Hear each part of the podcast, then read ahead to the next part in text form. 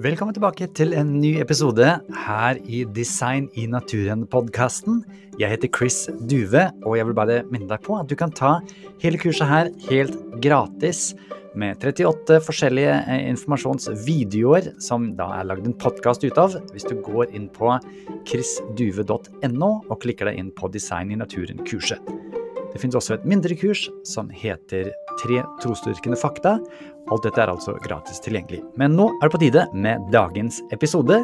Vær så god.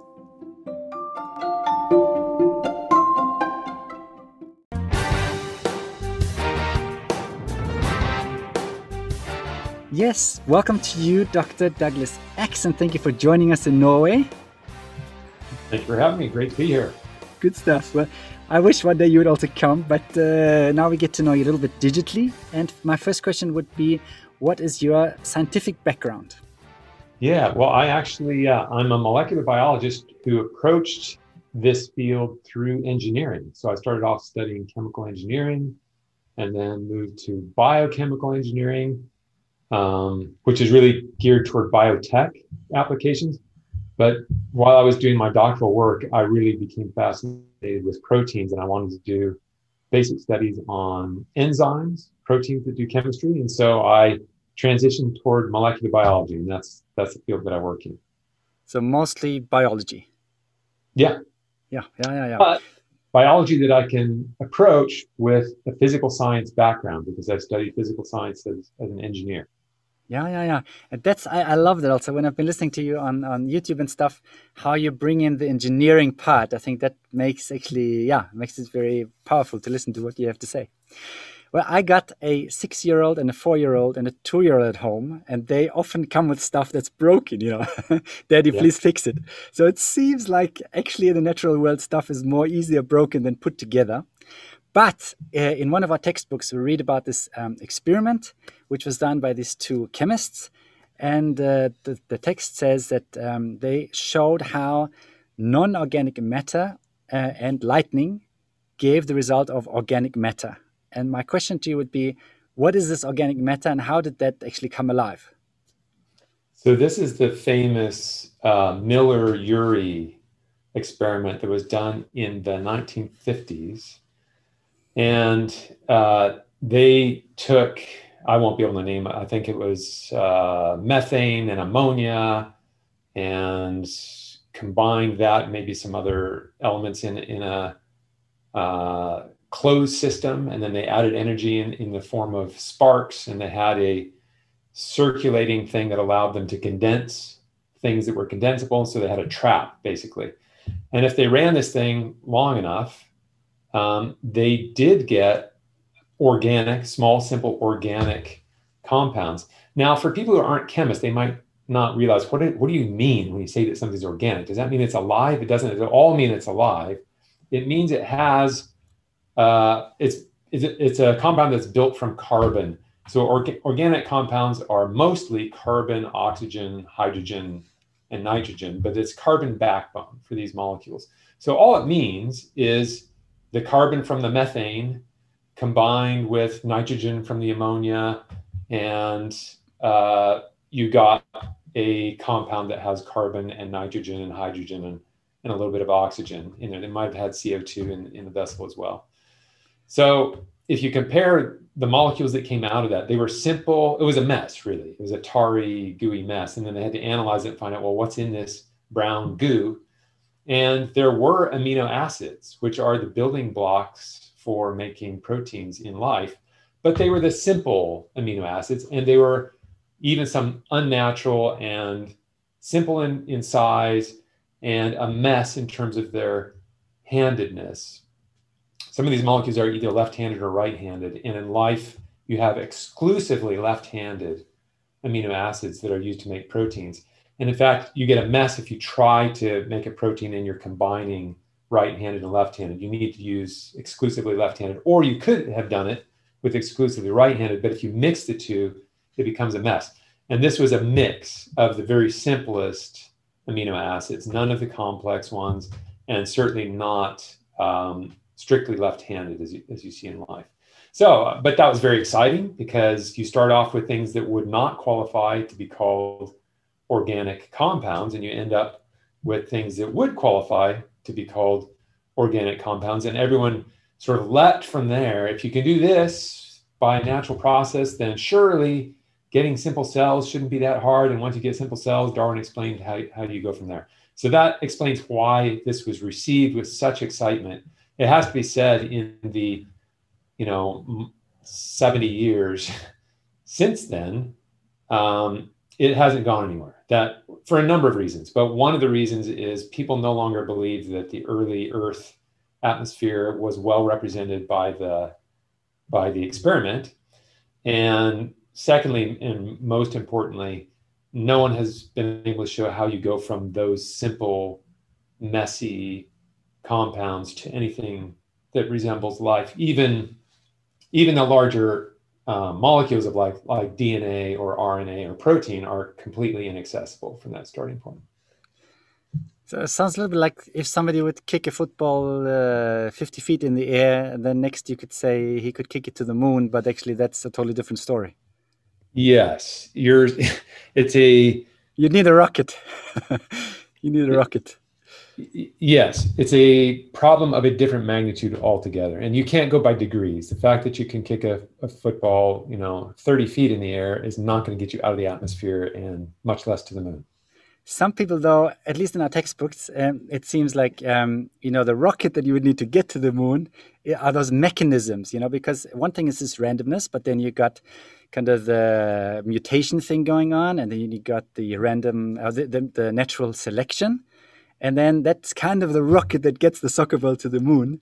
And um, I'll read you another quote from one of these books, which is about photosynthesis, which to me is crazy stuff. I mean, to make stuff out of light. It sounds pretty advanced to me, but uh, anyways, it says uh, if the water in the sea contained DNA molecules and other organic stuff, the first cells can have formed. Scientists have found round tracks they believe were ancient cells, and some of the first cells were blue green bacteria, and they did this photosynthesis. So the first bacteria did photosynthesis. Now, in your book, uh, which is available in Danish. yes, I have a copy of that actually. Yeah, yeah. So we can read it in Norwegian, you know. Um, you say something a little bit different to what the textbook is saying. You're saying uh, by the time selection works, so to make those molecules into bacteria through natural selection, something other than selection has invented that thing. So was it natural right. selection or was it invention?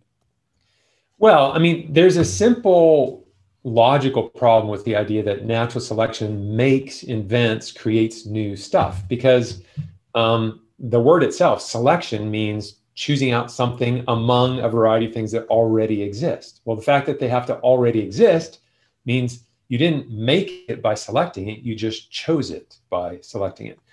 And so that's the basic root fallacy of the idea that natural selection is a creative process. It really isn't.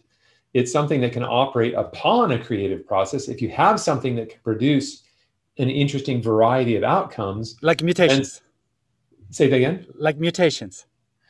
Well, mutation is the one thing that is supposed to fill that role. But just logically, we can say that selection doesn't do anything interesting unless something can give you those interesting things to select right? Yeah yeah so then we can ask well what could possibly do that? And in the darwinian mechanism it is what you said it's natural mutation. But the problem is when you look at what mutations actually do to genes to organisms they don't produce these interesting things to select with. There are a few uh, exceptions that really don't go in the right way. They tend to be breaking genes, and you can sometimes select the outcome of a broken gene, but that's not invention. And the whole point of Darwin's theory was to explain the origin of species, the origin of new things. So invention and selection doesn't do that.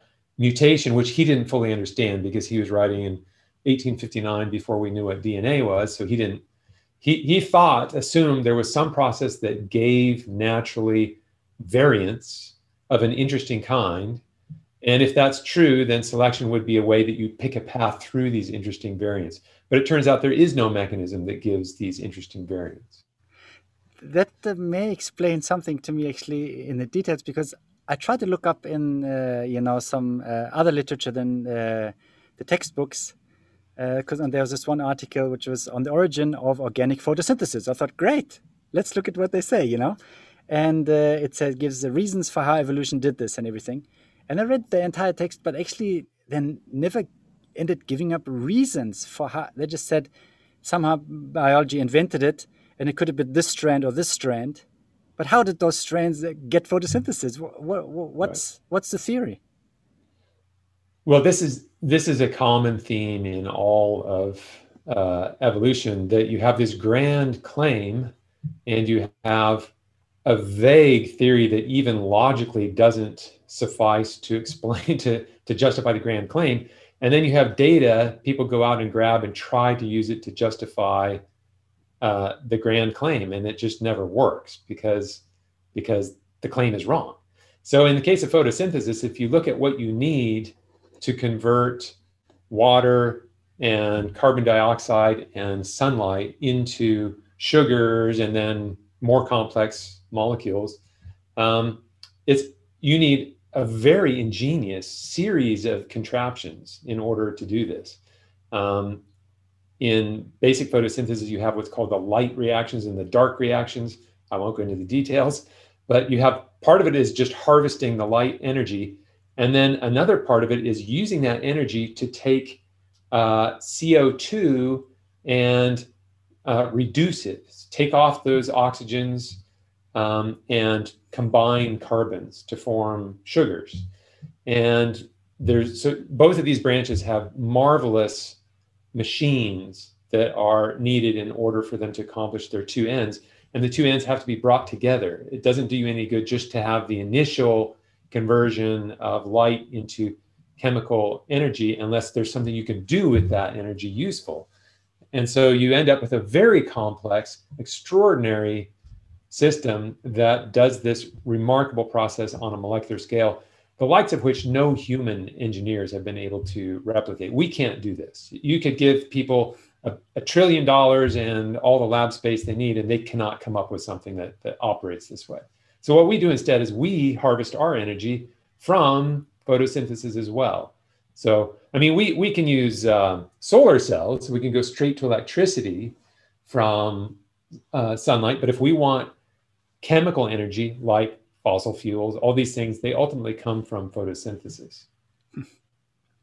So, in other words, uh, something that I've heard that uh, I think you also quote in, in one of your videos is this guy called Hugo de Vries, where he says uh, that we have no problem to explain the survival of the fittest, but we struggle to explain the arrival. You know, where does thing, where do things come from? Um, but again, in our school books, somehow we read that uh, it uh, kind of been, you know, that difficult to invent these things because things combine, you know, over time. And so there's this passage about how these algae originated from the bacteria that could do photosynthesis, and they kind of got sucked into um, another cell, and then that cell became part of another cell. And because they all have DNA, it proves that they came from these separate organisms that combined.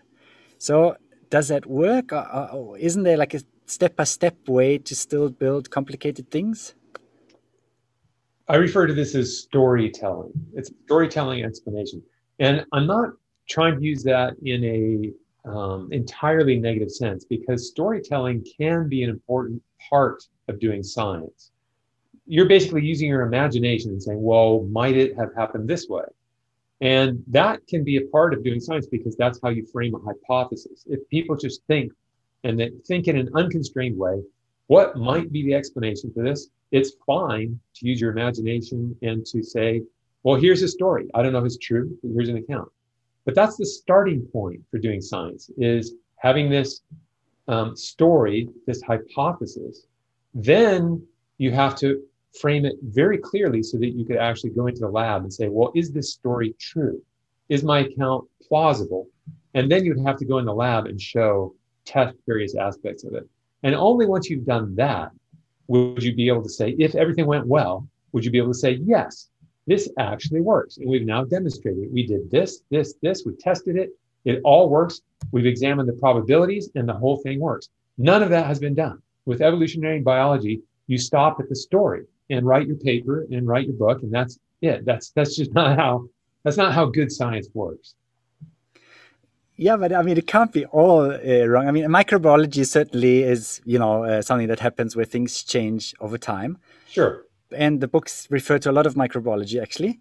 Uh, but then they also have sentences uh, like this book here, which says um, it looks like uh, the production uh, of proteins Uh, evolved early in the process of evolution. So it, that yeah, they, they, it's very factual. They're not saying uh, you know they're not giving another alternative or anything. And it must have happened early because it must have happened. What they're saying is all of life as we know it is absolutely dependent upon functional proteins. Therefore, proteins had to be there. Therefore, it must have happened early. Okay. So that's not explaining how it happened. So if you're if you're clean, and I agree, all of life uses proteins, all of life uses DNA. So those have been around on planet Earth as long as life has been around. But I have a different explanation for how that came to be than these textbooks. And um, the explanation that the textbooks give that you had, you know, I think you mentioned DNA in the oceans. I mean, there wouldn't have been any DNA. How would you get DNA in the oceans of a lifeless planet? That just wouldn't happen. Uh, so these, it's these stories that try to give an account that's avoiding God having created that always run into trouble because they're never plausible and one thing that I think you touched on a little bit just now was that you needed uh, one thing to be there for the other thing to be able to exist, but the other thing needed to be there for the one thing to exist in photosynthesis. Is there a lot of stuff like that where you basically need, you know, the same things that actually make each other, but one couldn't have been there without the other? Yeah, we we call that causal circularity. So we've published work on this. But it's a it's a common theme in life that in fact, a pattern for it is the we say the biosynthesis of X, whatever the X is, requires X. So there's another one. Not only that A requires B and B requires A, but X requires X. In other words, you're not going to get, as, as far as we can tell in life, you're not going to get X being made unless you already have X there. So that's another conundrum. How can you start making X if every process that we see to make X uses X to make. Would that be like with, with, proteins, for example? Would that be one well, of yeah. So proteins are made. The big complex that makes proteins is called the ribosome. That's part of the. That that's the sort of the last step. But you also have to read a gene. So you use something called RNA uh, polymerase that transcribes a gene, and then the RNA uh, famous now because of our vaccines that have mRNA in them. So everyone knows what mRNA is now. Those mRNAs are used to make a protein by ribosome reading along the RNA message and translating it. But so that's how proteins are made. Well, guess what the RNA polymerase is made of? It's made of protein. Guess what the ribosome is made of? It's made of RNA and protein. Guess how the RNA is made? It's made by RNA polymerase. So all of these things have to be there in order to make the com components to make themselves. Um, when we look at kind of the, you, you say somewhere in your literature or in your videos that you don't need a PhD to see that there's design. And uh, to me, you know, all this DNA and RNA and everything, it can get a little bit confusing, you know, because it's microbiologic details that, that people don't recognize. But when they look at one of these proteins, they see a little bit, wow, this looks actually amazing. And I think in our next session, we're going to look a little bit more at the details of your studies on proteins. Sure.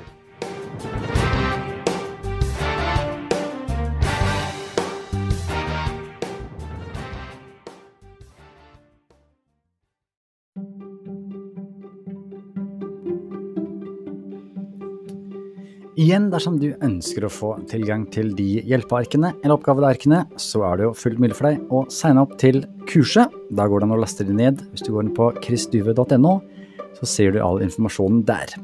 Dersom du ønsker å støtte denne podkasten og annet arbeid som jeg holder på med, kan du også lese mer om det på chrisduve.no.